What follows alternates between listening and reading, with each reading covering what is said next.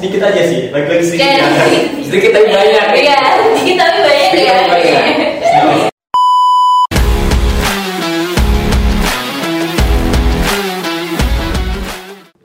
Halo keluarga mahasiswa UPN Veteran Yogyakarta Selamat datang di Talksik Talking Asik Bersama aku Aja Dan pada episode kali ini Kita akan membahas mengenai Perjalanan setengah periode dari BMKM UPN Veteran Yogyakarta Dan pada episode kali ini Spesial banget nih Kedatangan narasumber yang istimewa Yaitu Ketua Umum dan Wakil Ketua Umum dari BMKM UPN Veteran Yogyakarta Oke. Halo Mas Halo, aja. Iya, gimana nih mas kabarnya? Alhamdulillah baik. Alhamdulillah, masih baik-baik aja Lu aja nih bagaimana kabarnya? Alhamdulillah baik juga kebetulan. Alhamdulillah baik. baik terus ya semoga. kita mau ngapain nih? Kita mau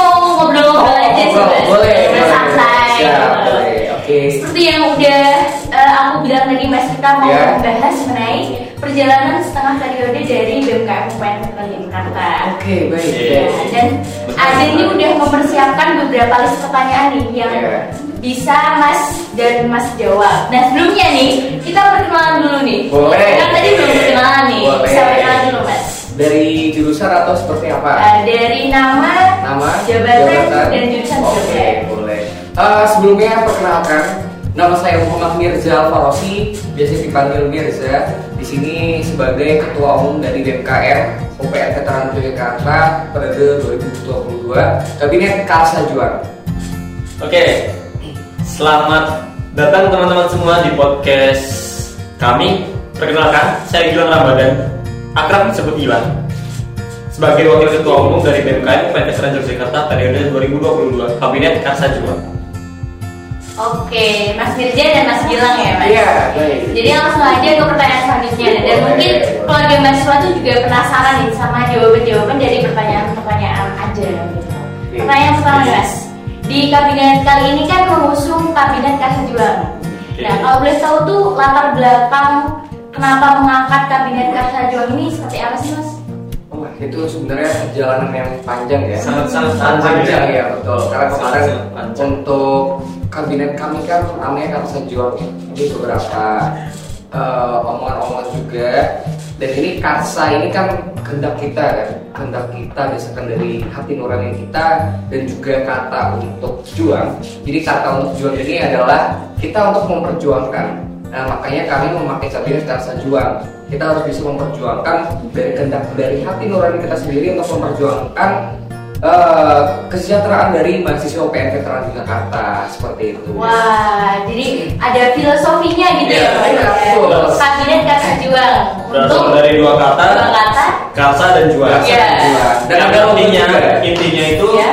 keinginan untuk memperjuangkan. Wah. Logonya juga keren. Filosofinya kalau teman-teman lihat semua Ya. itu ada bentuknya sebuah simbol api dan juga ada sebuah simbol sayap Saya kupu-kupu. kupu-kupu. Nah, maksudnya sayap kupu-kupu itu melambangkan sebuah metamorfosa dari sebuah ulat menjadi sebuah bentuk yang indah. Yang mana di situ dari ulat itu sendiri memperjuangkan kehendaknya untuk mencapai suatu bentuk yang sangat-sangat sempurna sebuah kupu-kupu. Wah. Itu juga diiringi dengan apinya itu sendiri. Apinya itu sendiri menggambarkan bahwasanya untuk bermetamorfosis, itu sendiri kita harus dengan semangat semangat yang membara. Makanya di situ kita memberikan simbol api di logo ini. Ada api dan juga ada sayap dari kupu-kupu seperti itu. Sangat filosofis. Iya, Jelas. betul, jelas. Lanjut ke pertanyaan selanjutnya ya mas. Boleh. Ini kan sudah berjalan setengah periode. BMKM UPN Veteran Jakarta ya. Iya. Itu proker apa aja sih yang udah terlaksana selama setengah periode ini? Oke, untuk program kerja setengah periode ini mungkin bisa dijelaskan dari masing-masing bidang ya. Karena di sini BMKM mempunyai 9 bidang juga. Eh, yang pertama itu ada Kementerian dari Advokasi. Ad- advokasi ini sudah melakukan yang namanya ngobat ngobrol bareng advokasi. Dan di sini ngobrol bareng teman-teman advokasi baik fakultas dan juga himpunan di mana mengumpulkan isu-isu apa aja yang ada di internal kita sendiri yang nantinya akan diperjuangkan bersama seperti itu. Terus selanjutnya itu ada eh, kementerian yang namanya sinergitas mahasiswa. Jadi di kami pun ada yang namanya rapat OKA. OKA apa itu OKA? OKA itu organisasi kemahasiswaan. Jadi rapat OKA ini kami mengajak untuk seluruh OKA untuk merapatkan menyepakati suatu kesepakatan menyelesaikan permasalahan dan juga ada sosialisasi dari kebijakan BMKM seperti itu. Dan juga kami melakukan visit ke himpunan-himpunan serta fakultas-fakultas. Terus selanjutnya itu ada eh, dari teman-teman divisi Hublu ya hubungan luar. Hubungan luar pun nanti akan mengadakan acara yang juga itu namanya job fair ya job fair juga itu acara juga nanti akan mengundang beberapa perusahaan-perusahaan yang ada. Itu untuk bisa mensejahterakan ketika eh, mahasiswa tua jadi mahasiswa, tua yang ada di UPN tahu nih wah ternyata memang banyak potensi banyak perusahaan-perusahaan yang bisa kita eh, masuk ke situ kan seperti itu fair kami hadir terus selanjutnya itu ada yang namanya eh, divisi dari Kastrat jadi Kastrat ini ada beberapa forum Kastrat di mana forum Kastrat ini juga mengawal isu isu strategis ya isu internal maupun isu eksternal yang ada terus selanjutnya itu eh, dari sosmas dari masyarakat itu sendiri ada sosmas. Nah, sosmas ini salah satu acara yang telah pelaksananya ini belum lama selesai alhamdulillahnya dalam rangkaian itu ada namanya Open Study Volunteer di mana itu kan salah satu media kita untuk meningkatkan keinginan dan meningkatkan minat dari mahasiswa itu sendiri terhadap pengabdian masyarakat itu sendiri. Nah selain itu juga akan dilaksanakan juga sebenarnya acara-acara selanjutnya seperti bina desa, terus juga nanti ada keluar gebiar rakyat Gebiar rakyat. dan juga nanti teman-teman dari sosial masyarakat ini sendiri tetap akan membuka open recruitment untuk panitia-panitia itu semua. Nah kemudian selain sosial masyarakat kita juga ada lingkungan hidup. Nah dari lingkungan hidup itu sendiri beberapa acara sudah terlaksana seperti kayak kemudian juga ada kajian-kajian maupun hasil-hasil diskusi yang berupa nanti outputnya itu berupa artikel yang teman-teman bisa baca sendiri di IG BMKM maupun IG Ijo Veteran yang mana itu merupakan media kita untuk teman-teman semua agar tetap, tetap dapat membaca info info infografis terkait lingkungan yang ada. Nah, selain itu di kementerian lainnya itu ada Kementerian Pengembangan Potensi Mahasiswa telah terlaksana beberapa kali terkait forum komunikasi dan informasi terkait penelitian dan pengembangan. Nah, dari Forkop atau yang biasa disebut sebagai Forkalitbang. Nah, Forkalitbang itu sendiri sebenarnya tujuannya untuk menjadi sebuah wadah dari divisi-divisi litbang yang ada di organisasi kemahasiswaan UPN Veteran Yogyakarta. Nah setelah itu juga ada PKM Center yang teman-teman mungkin tahu bahwasanya PKM Center ini merupakan program kerja yang diadakan di setiap fakultas yang namanya PKM Tour. Kita bekerja sama dengan ISR melalui PKM Center itu sendiri teman-teman. Nah itu untuk meningkatkan minat-minat dari mahasiswa terhadap dunia per PKM seperti itu. Nah itu juga kita bekerja sama dengan B Fakultas dan juga ISR teman-teman. Nah selain itu juga dari seniora kita telah mengadakan beberapa kali kumpul terhadap teman-teman UKM. Nah fungsinya untuk menjalin komunikasi, menjalin silaturahmi serta juga untuk menyambungkan aspirasi apa sih yang teman-teman UKM inginkan dari birokrasi seperti itu dan alhamdulillahnya sudah berjalan beberapa kali juga dan telah melakukan audiensi juga terhadap teman-teman birokrasi dari teman-teman UKM itu sendiri. Selanjutnya yaitu ada Kementerian Ekonomi Kreatif itu telah melaksanakan salah satu program unggulan kami juga namanya Fair. Nah itu terlaksana belum lama ini. Nah itu fungsinya untuk apa? Fungsinya untuk mengundang dari teman-teman UMKM yang ada di UPN Veteran Yogyakarta itu sendiri agar dapat membuka stand dan juga mempromosikan produk-produknya di sana. Selain itu juga di sana juga ada seminar-seminar sebenarnya. Seminar-seminarnya itu bahkan bisa mendatangkan Pak Menteri ya. Oh. Meskipun secara online karena beliau ini sedang ada perjalanan dinas sepertinya. Iya. Makanya dari Pak Menteri itu sendiri menyanggupinya lewat online saja. Nah, alhamdulillahnya juga sudah terlaksana seperti itu. Wah, baik banget ya Mas tadi program kerja dari BMKM Veteran Jakarta dan pastinya eh, menarik banget gitu. Oh, jelas menarik. Eh, Lanjut ke pertanyaan selanjutnya ya Mas. Ya, ya, ini ada program kerja unggulan periode kali ini dari BMKM UPN Veteran Yogyakarta tuh apa aja sih Mas? Oke, yang pertama itu ada Faircraft Fair 1.0 yang pertama ini. Uh, Faircraft Fair ini hadir untuk bisa memenuhi mencerdaskan mahasiswa dan juga mahasiswa, mahasiswa UPN dan juga mahasiswa yang dari luar. Bagaimana sih caranya kita berkewirausaha dan juga mengembangkan UMKM. Di situ kita dalam bentuk dalam bentuk pencerdasan juga ya itu menghadiri suatu rangkaian seminar juga dan juga membuka stand-stand UMKM untuk memberdayakan UMKM yang ada di uh, sekitar kita seperti itu. Terus selanjutnya itu ada yang namanya job fair. Uh, job fair ini kami hadir karena kami melihat beberapa pada waktu pandemi kemarin job fair yang diadakan oleh UPN tidak maksimal sama sekali. Jadi kami mencoba untuk memunculkan job fair di mana nanti akan uh, membuka stand untuk perusahaan juga sehingga dari teman-teman masih itu tahu oh ternyata memang ada beberapa perusahaan-perusahaan yang bisa kita masuki gitu. Dan bisa uh, lowongan pekerjaan semakin banyak lowongan pekerjaan semakin banyak juga. Lulusan dari UPN untuk bekerja seperti itu. Itu salah satunya terus selanjutnya ada tambahan sebenarnya ada sih yang namanya itu uh, PES itu, itu namanya Veteran Exhibition Show and Theater. Ya, itu kita masukkan menjadi salah satu rangkaian program besar BEM tiap tahun yaitu VIP. Nah itu kita mengadakan sebuah acara show, acara pertunjukan untuk teman-teman UKM maupun teman-teman dari organisasi kemahasiswaan jika memang ingin tampil itu di sana di acara tersebut. Nah selain itu juga di bidang pengabdian masyarakat itu sendiri kita mengadakan ada namanya kebiar rakyat. Nah, kebiar rakyat ini salah satunya untuk meningkatkan potensi-potensi yang ada dari masyarakat agar dari masyarakat ini sendiri dapat menjualnya itu sendiri dan memaksimalkan potensi-potensinya yang ada. Seperti contohnya ketika masyarakat di daerah terpencil yang ada di suatu kabupaten di Sleman. Nah, mereka ini mempunyai potensi terhadap jagung yang mungkin sampai saat ini jagung tersebut mereka masih menjualnya terhadap pengkulak ataupun pengepul dan sebagainya. Nah, kita mencoba untuk mengekspos itu lebih luar.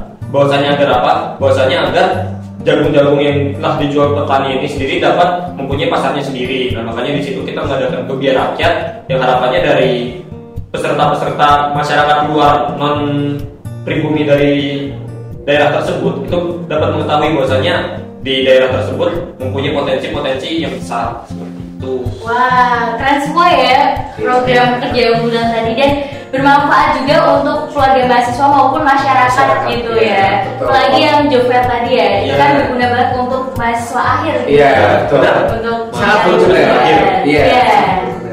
Lanjut ke pertanyaan selanjutnya nih Mas. Aku tuh lihat di Instagramnya BMKM Veteran Jakarta itu banyak mengadakan open recruitment atas program-program kerja dari BMKM itu sendiri. Oh. Nah, pertanyaannya itu seberapa berpengaruhnya keterlibatan keluarga mahasiswa terhadap kesuksesan program kerja dari BMKM UPN Veteran Jakarta itu sendiri? Oke, okay, uh, eh, untuk seberapa berpengaruhnya, ini sangat berpengaruh banyak karena kami kan uh, untuk beberapa event itu memang mengadakan open recruitment secara langsung kami juga membutuhkan bantuan dari teman-teman mahasiswa kayak UPN Veteran Jakarta bentuk kesuksesan kami pun dibantu ya secara nyata dari teman-teman mahasiswa semuanya. Kita saling bantu satu sama lain nih. Karena program kerja BMKM kan relatif sangat banyak sekali kan seperti itu. Makanya dari sini dari menurut kami sangat terbantu juga dan memang benar-benar uh, partisipannya sangat banyak untuk mengikuti semua event yang ada di UPNK Jakarta. Untuk untuk volunteer ya seperti itu dari kami memang kalau kita melihat banyak open recruitment yang mungkin setelah teman-teman menonton podcast ini teman-teman berminat untuk mengikuti salah satunya gitu ya. Iya. Yeah. Nah jadi kita ini membuka kesempatan untuk teman-teman semua yang sekiranya belum tergabung ke dalam sebuah kepanitiaan untuk dapat berkontribusi secara langsung terhadap kepanitiaan-kepanitiaan yang ada di BMKM. Nah besar sekali kontribusi dari teman-teman semua, teman-teman keluarga mahasiswa khususnya untuk mengikuti program kegiatan yang telah kami usung untuk diadakan. Seperti contohnya open recruitment open recruitment dalam acara-acara terdekat kali ini. Nah itu kami harap teman-teman semua dapat berpartisipasi di sana dan berkontribusi untuk kemakmuran dan kebermanfaatan bagi Veteran Jakarta itu sendiri. Seperti itu. Ya benar banget ya. Untuk teman-teman yang mungkin mau panitiaan gitu bisa ya, join bisa. Uh, program kerja program kerja dari BMKM Veteran Jakarta dan selanjutnya nih mas, yang mungkin juga uh, keluarga mahasiswa ini penasaran nih isu strategis dari awal yang diangkat dari periode kali ini tuh seperti apa mas? Oke, ini untuk isu strategis ya. Karena di sini kami pun uh, mengangkat beberapa isu juga ya. Ini untuk isu yang di kampus ini sendiri ada beberapa yang diangkat. Yang pertama itu terkait masalah sarpras yang ada. Karena kami melihat dari awal kami maju pun Sarpras ini memang masih ada beberapa yang belum layak untuk kita pakai. Makanya iya, sedangkan sedangkan UKT yang kita bayarkan itu kurang kurang sangat-sangat kurang bermanfaat. Iya. karena sarpras itu sendiri kami nilai Mm-mm. itu tidak sebanding dengan apa yang kami keluarkan di itu sendiri makanya Betul. kami mengangkat sarpras ini Ya. kemudian selain itu ada namanya program pengabdian masyarakat Ya. yang dari universitas itu sendiri yang biasa kita sebut sebagai kuliah kerja nyata atau KKN Nah, kita di sini sebagai mahasiswa yang mengikuti program tersebut, kita tidak mendapatkan spesial pun terkait dananya. Padahal sudah jelas bahwasanya segala bentuk kegiatan pengabdian masyarakat yang diturun yang diadakan oleh universitas itu sendiri mendapatkan subsidi dana gitu dari pemerintah. Nah, sedangkan kami sendiri sebagai pelaksananya itu tidak mendapatkan seperti itu. sama sekali Sama sekali. enggak. Nah, Ya, makanya Selain itu, selain dua hal itu, ini sangat-sangat isu yang krusial sekali, sekali menurut kami. Karena memang konsen kami dari awal juga di sini gitu ya. Terkait kekerasan seksual yang ada di kampus. Iya. Nah, kami sangat menyayangkan terhadap kasus-kasus yang telah terjadi di kampus, namun pelaksanaan dan penindakannya itu sendiri kami anggap kurang optimal terhadap kondisi yang ada. Nah, makanya dari situ kami mencoba mengangkat isu itu sendiri, setidaknya sampai PPKS ataupun satuan tugasnya dari PPKS itu sendiri dapat terlaksana seperti itu. Karena kita melihat salah satu kendala kenapa penindakannya itu dinilai lambat karena memang dari satuan tugasnya itu sendiri belum ada. Maka dari itu kita saat ini memprioritaskan terbentuknya satuan tugas itu sendiri. Uh, agar harapannya apa? Agar harapannya dari kekerasan seksual ini dapat terminimalisir bahkan dapat dihilangkan harapan kami lebih besarnya untuk di UPN sendiri.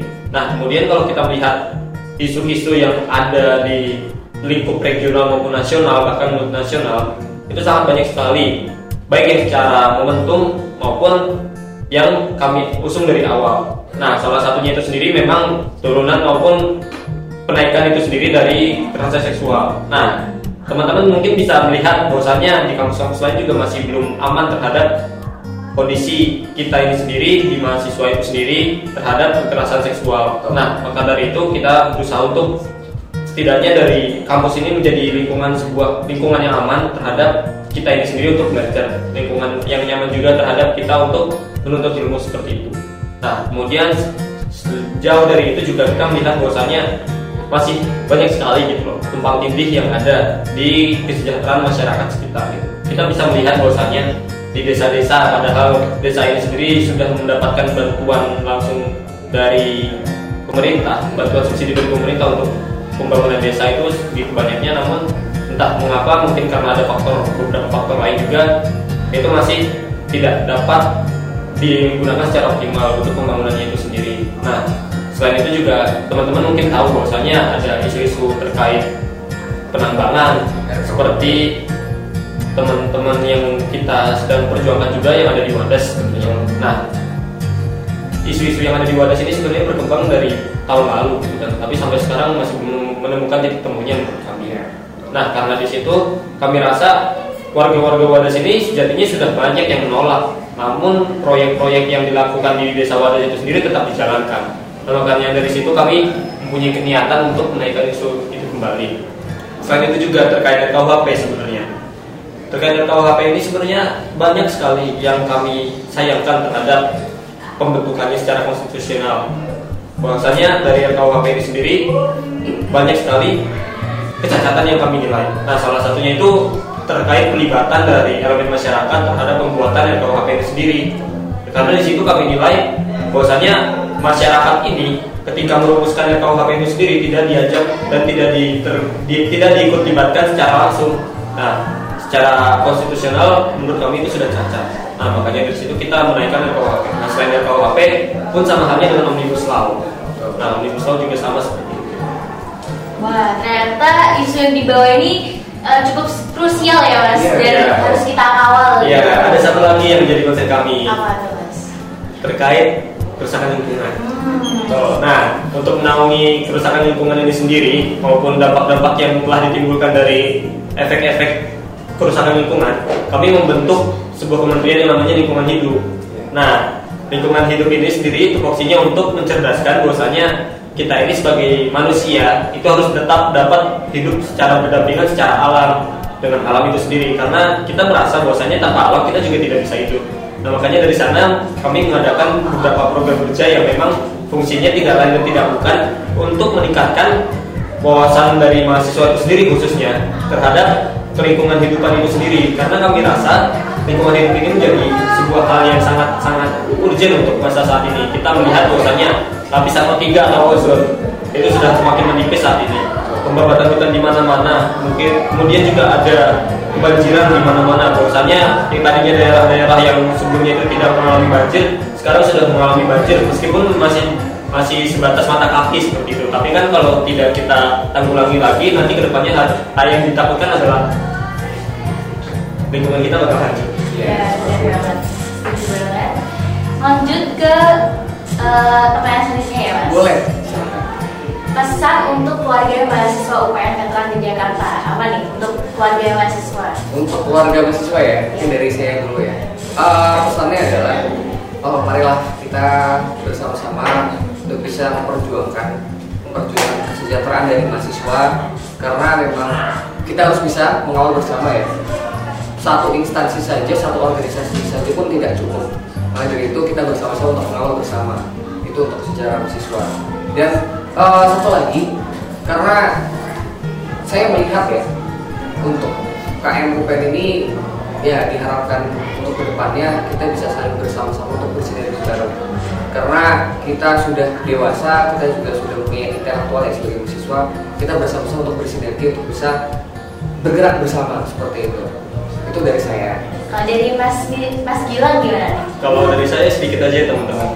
Bagi saya mahasiswa itu merupakan sebuah aset terpenting karena mahasiswa itu sendiri merupakan agent of change. Mahasiswa itu sendiri juga merupakan guardian of value dan lain sebagainya. Yang mana itu merupakan cikal bakal untuk sebangsa, kawan-kawan.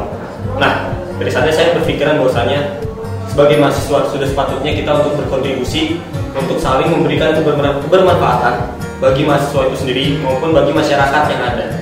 Nah, oleh karena itu saya rasa di sini sebagai mahasiswa khususnya saya sendiri mahasiswa itu sudah sejatinya untuk tetap berjuang. Apa pun yang diperjuangkan balik lagi itu untuk demi kebermanfaatan sesama. Dan mahasiswa itu sendiri juga harus tetap dapat berkarya. Karena bagi saya karya yang dihasilkan mahasiswa itu merupakan sebuah sebuah karya yang sangat inovatif seperti itu. Betul. apa pun bentuknya. Mungkin seperti buku kemudian nanti ada sebuah alat teknologi dan lain sebagainya maupun sebuah konsep bisnis dan sebagainya itu merupakan salah satu karya yang memang harus diturunkan. Karena bagi saya tanpa adanya mahasiswa yang berjuang dan berkarya itu sendiri negara ini tidak akan mendapatkan kebermanfaatan untuk bersama.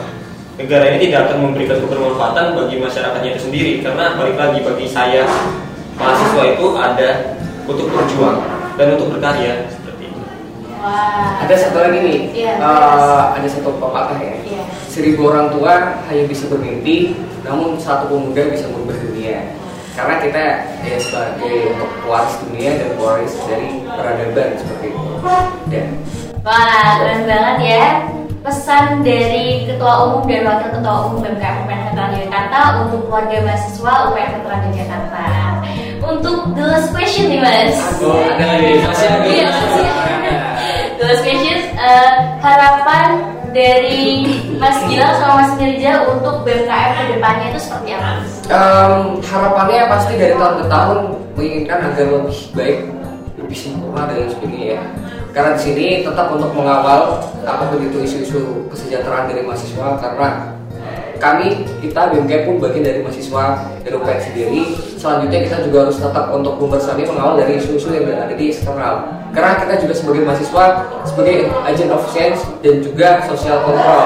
Kita juga harus memantau kondisi di sekitar kita dan harapan untuk ke depannya semoga kita bisa untuk membersamai dan menindaklanjutkan semua kesejahteraan dari mahasiswa UPN Veteran Jakarta seperti itu. Wah, kalau dari Mas Gilang seperti apa? Harapan untuk BMKM ya Iya. sedikit aja sih lagi-lagi sedikit Jadi, Sedikit tapi banyak ya. Iya, sedikit tapi banyak Sedikit ya. Serius kali ini sedikit aja.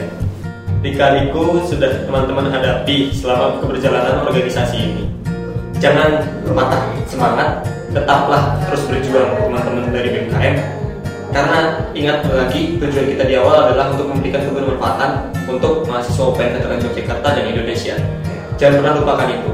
Jadi saya harap kepada teman-teman BMKM semua tetaplah dalam porsinya untuk menjalankan tugas kita sebagai organisasi kemahasiswaan.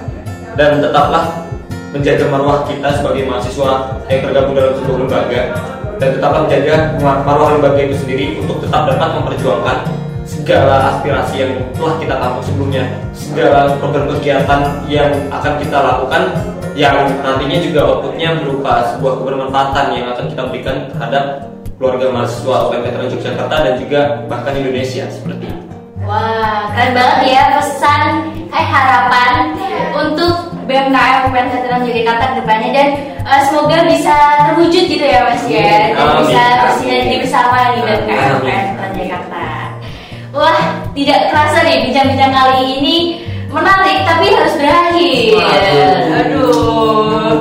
Dan Baiklah, oke. oke. Kira-kira masih ada lanjutan lagi nih soalnya. Mungkin bisa next ya, Oh, bisa next ya. Ya, next boleh. episode. Next gitu episode ya, ya. kami tunggu gitu. Kami Oke. tunggu toxic selanjutnya. Iya, bener. Dan gak kerasa nih eh, keluarga mahasiswa UPN Veteran Jakarta episode kali ini sudah berakhir. Aku Ajeng pamit undur diri. See you. Dadah. Tetap semangat. Semangat. Oke.